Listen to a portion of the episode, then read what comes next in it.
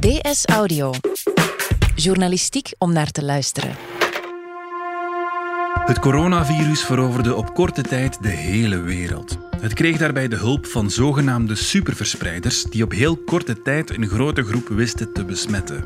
Een drama, zo blijkt al een paar weken. Maar paradoxaal genoeg brengen ze ook goed nieuws. Maar hoe dan juist? Wetenschapsredacteur Dries de Smet praat ons bij. Het is woensdag 3 juni. Mijn naam is Niels de Keukelare en van op afstand is dit DS Audio.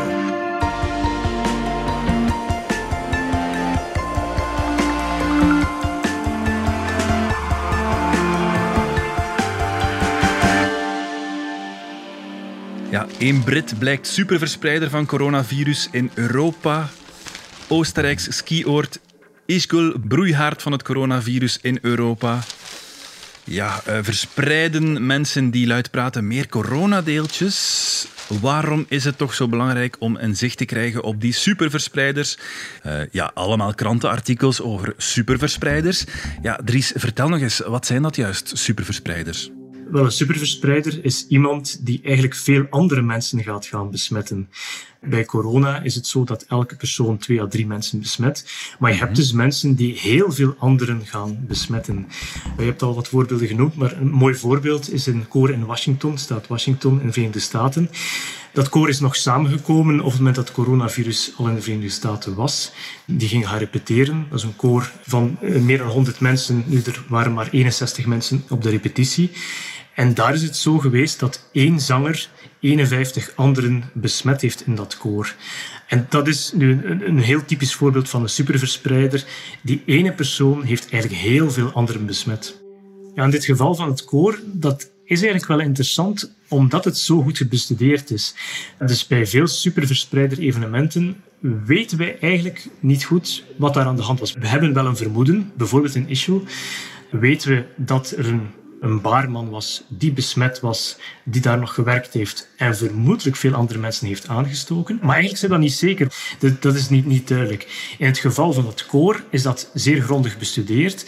En dus het CDC, eh, het Amerikaanse Scienzano, zeg maar, die uh, dus ziektes on onderzoekt, die uh, heeft met alle koorleden gesproken en is gaan kijken, oké, op die repetitie, wie was ziek, wie is daar geweest, wie is wanneer ziek geworden. Er was ook nog een repetitie ervoor. Zijn dus ook gaan kijken, kan het daar niet gebeurd zijn? Nee, het kan daar niet gebeurd zijn. En dus men heeft dat eigenlijk zo goed bestudeerd en zo heeft men het eigenlijk wel heel goed kunnen reconstrueren dat het wel degelijk van één zanger moet gekomen zijn dat die ja, zoveel mensen van het koor heeft aangestoken. Hoe belangrijk is het onderzoek naar die superverspreiders? Heel belangrijk als die er zijn. Mm -hmm. We weten dat superverspreiders een belangrijke rol kunnen spelen in de epidemie. En als die er bij een besmettelijke ziekte zijn, ja, dan is het wel heel belangrijk om dat te weten. Omdat wij bij SARS-CoV-2, zoals het virus heet, hebben wij het idee dat twee à drie mensen aangestoken worden door iemand die besmet is. En dat is inderdaad ook het gemiddelde. Maar we weten dat onder dat gemiddelde eigenlijk wel een, heel grote verscheidenheid schuil gaat. Dat het dus zo is dat een klein aantal mensen mm. veel mensen besmet en eigenlijk een grote groep bijna niemand gaat gaan besmetten. En hoe groot is die kleine groep die veel mensen gaat besmetten? Dus daar zijn wel al schattingen voor gemaakt. Er is een Britse studie bijvoorbeeld die concludeert op basis van de Chinese data dat 80% van alle besmettingen eigenlijk veroorzaakt worden door 10%. Ja, ja. En we hebben onlangs ook een Israëlische studie gezien die eigenlijk ook een beetje in die richting gaat. Die zegt dat het zelfs 1 à 10% is van de besmetten die 80% veroorzaakt. Er is een studie voor Hongkong die er zegt is 20% die 80% veroorzaakt. Dus het precieze cijfer weten we niet, maar het is wel duidelijk dat de verspreiding zeer ongelijk is.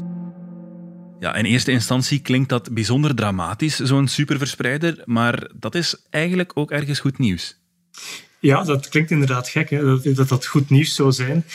En laten we wel wezen, als er een superverspreiding is, dan is dat slecht nieuws, want dat betekent dat één iemand veel mensen besmet. Maar als je louter naar de cijfers kijkt, we weten dus dat gemiddeld bij SARS-CoV-2, als we geen maatregelen zouden nemen, dat één iemand die besmet is, twee à drie anderen besmet. En dus ofwel is dat zeer gelijk, mm -hmm. dan is het voor elke persoon zo dat die twee à drie anderen besmet. Ofwel is dat zeer ongelijk. En dat wil zeggen dat je dan één iemand hebt die heel veel mensen besmet. En de rest die besmet is, die veel minder dan die 2 à 3 zal gaan besmetten.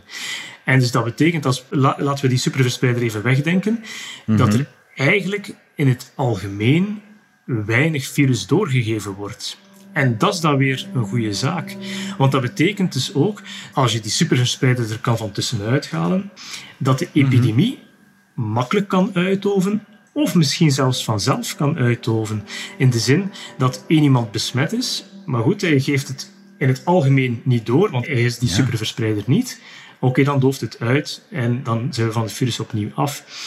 Dus dat fenomeen dat het ook vanzelf kan mm uitoven, doordat er eigenlijk relatief weinig besmettingen zijn, ja, dat is eigenlijk wel goed nieuws.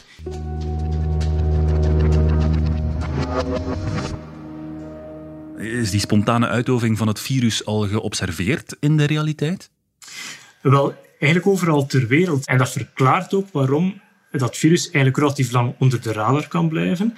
Uh, want er zijn vermoedens dat er ook al introducties waren, nog voor we eigenlijk onze eerste patiënt hebben herinneren. Dat was de man die uit Wuhan terugkeerde met een vlucht die, die België georganiseerd had. En daarna had je in de krokusvakantie ook besmettingen. we vermoeden dat er eigenlijk ook al voor die tijd ook al besmettingen in België waren. Maar dat die uitoofden doordat die mensen niet die superverspreiders waren. Die hebben misschien wel iemand besmet, misschien één of twee andere mensen. En vervolgens is dat virus stilletjes aan uitgedoofd. En het is maar omdat je een bepaald, moment een superverspreider hebt, dat je plots die grote groei krijgt. We weten dat dat virus ontstaan is uit Wuhan. Eh, is vanuit Wuhan overal ter wereld verspreid. Naar Italië, zoals we dan weten, en vervolgens ook bij ons. En als we kijken naar waar hebben we nu echt wel een grote mhm. uitbraak gehad. We hebben een grote uitbraak gezien bijvoorbeeld in Limburg, bij Alken en Sint-Truiden. En dus we kunnen daar veronderstellen dat daar misschien ook wel een superverspreider was. Mhm. We weten bijvoorbeeld dat er vuiven waren eh, in Alken, dat er ook nog carnaval was in Sint-Truiden. En dus dat misschien die evenementen gezorgd hebben voor die superverspreiding. Want eigenlijk moet je dat zo zien. Dus veel mensen mhm. verspreiden niet. En dan plots heb je daar toevallig wel een superverspreider. Je trekt het verkeerde lotje. En dat is misschien wat er ook wel daar wel in, in Alken of Sint-Truiden gebeurd is. Je trekt het verkeerde lotje en dan heb je plots die superverspreiding. En dat is wat we eigenlijk overal gezien hebben. Wat het interessante inzicht hier is eigenlijk...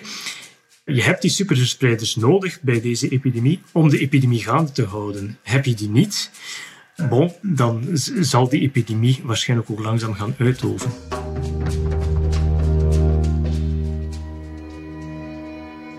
Zeg Dries, zouden jij en ik superverspreiders kunnen zijn? Dat denk ik zeker. Ik denk dat iedereen het potentieel heeft om een superverspreider te zijn. Ja, is er een bepaald profiel waaraan die superverspreiders doorgaans voldoen? Dat weten we nog niet goed. In de zin, daar zou eigenlijk veel meer onderzoek moeten gebeuren naar wie zijn nu de superverspreiders en kunnen we daar echt een profiel van gaan maken. Wat we wel weten is dat er grote verschillen zijn tussen mensen. We weten uit onderzoek al van voor dit coronavirus dat er superuitstoters bestaan. Dus men heeft getest bij mensen die spreken hoeveel deeltjes stoten die uit. En je hebt dus mensen mhm. die echt wel bijzonder veel deeltjes gaan uitstoten als ze aan het spreken zijn. Ja, we hebben het over speeksel en zo. Hè, en over, ja, iedereen doet dat. Als ik nu aan het spreken ben, dan stoot ik ook speekseldeeltjes uit. Mhm. En we hebben misschien het archetype in ons hoofd, een Fernand Hoegebeur uit Kiekeboe. En Camille Spices bijvoorbeeld. Of Camille Spices bijvoorbeeld, ja. Maar uit die studie blijkt ja, dat het mensen zijn die luid spreken. Als je luid spreekt, dan stoot je meer deeltjes uit. Dus die biologische verschillen zijn er. En wat we ook biologisch zien, en dat specifiek voor dit virus, is dat er een aantal mensen veel hogere virusladingen hebben in de keel dan andere mensen. En dus ja, het zou kunnen als je de combinatie tussen de twee maakt, mensen die sowieso al meer deeltjes gaan uitstoten en dan ook nog een keer hoge virusladingen hebben, dat dat misschien wel de mensen zijn die voor hoge verspreidingen kunnen gaan zorgen. Maar als we dan kijken naar de metingen van die virale ladingen, men meet dat eh, door zo'n wisser in de neus of in de keel te gaan aanbrengen, dan kunnen wij eigenlijk moeilijk op dit moment gaan zeggen dat er grote verschillen zijn qua geslacht bijvoorbeeld, dat het meer mannen of meer vrouwen zijn. Ook qua leeftijd lijkt er wel een verschil, maar dat is niet, waarschijnlijk niet zeer uitgesproken op basis van de gegevens die we nu zien. Eh, dus het is moeilijk om te zeggen, ja, wie is nu potentieel die superverspreider? Ja. Wat wel zo is, is zelfs als je misschien geen superuitstoter bent, biologisch gezien, is dat je wel in contact komt met veel mensen. En je hebt mensen die veel socialer zijn, die in normale tijden een werk hebben waar ze met veel mensen in, contact komen. Ook gewoon een groot sociaal leven hebben, die aan sport doen, die in een muziekvereniging zitten, die vervolgens ook nog eens op café gaan. Uh, dus je hebt mensen die heel veel contacten hebben met mensen. En waarschijnlijk is het dan ook zo dat de gelegenheid de dief maakt. Als die mensen op dat moment besmettelijk zijn, ze hebben het virus opgelopen en ze zitten in de fase van hun besmetting waarin ze ook het kunnen doorgeven aan andere mensen, dat je dan ook het potentieel hebt om het dan om heel veel mensen eh, door te geven. Dus ik denk dat iedereen een superverspreider kan zijn. Maar dat het precies die combinatie van factoren is en een hoge virale lading. En ook precies op dat moment zijn waar je ook veel contact hebt met mensen. Ja, hoe kunnen we er beter zicht op krijgen wie de superverspreiders zijn? Wel, daar zou de contactopsporing een grote rol kunnen spelen of een, of, of een belangrijke rol kunnen spelen.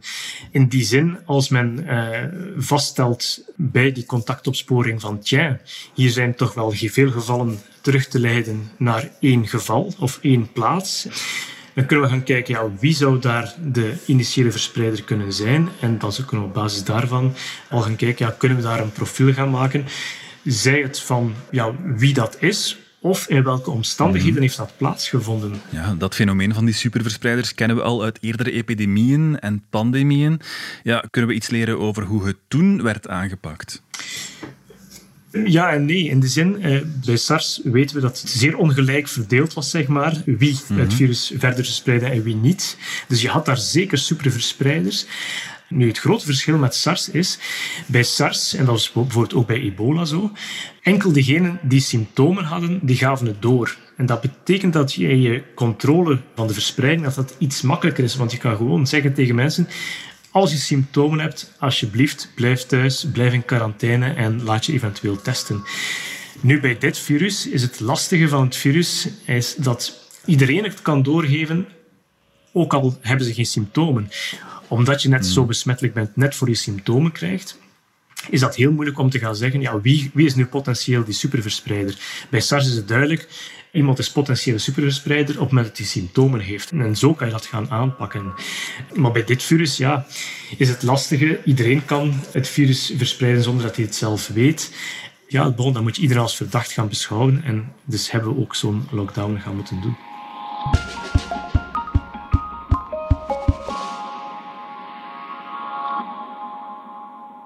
Dries, de hamvraag. Als we niet weten wie die superverspreiders zijn, hoe gaan we ze dan tegenhouden?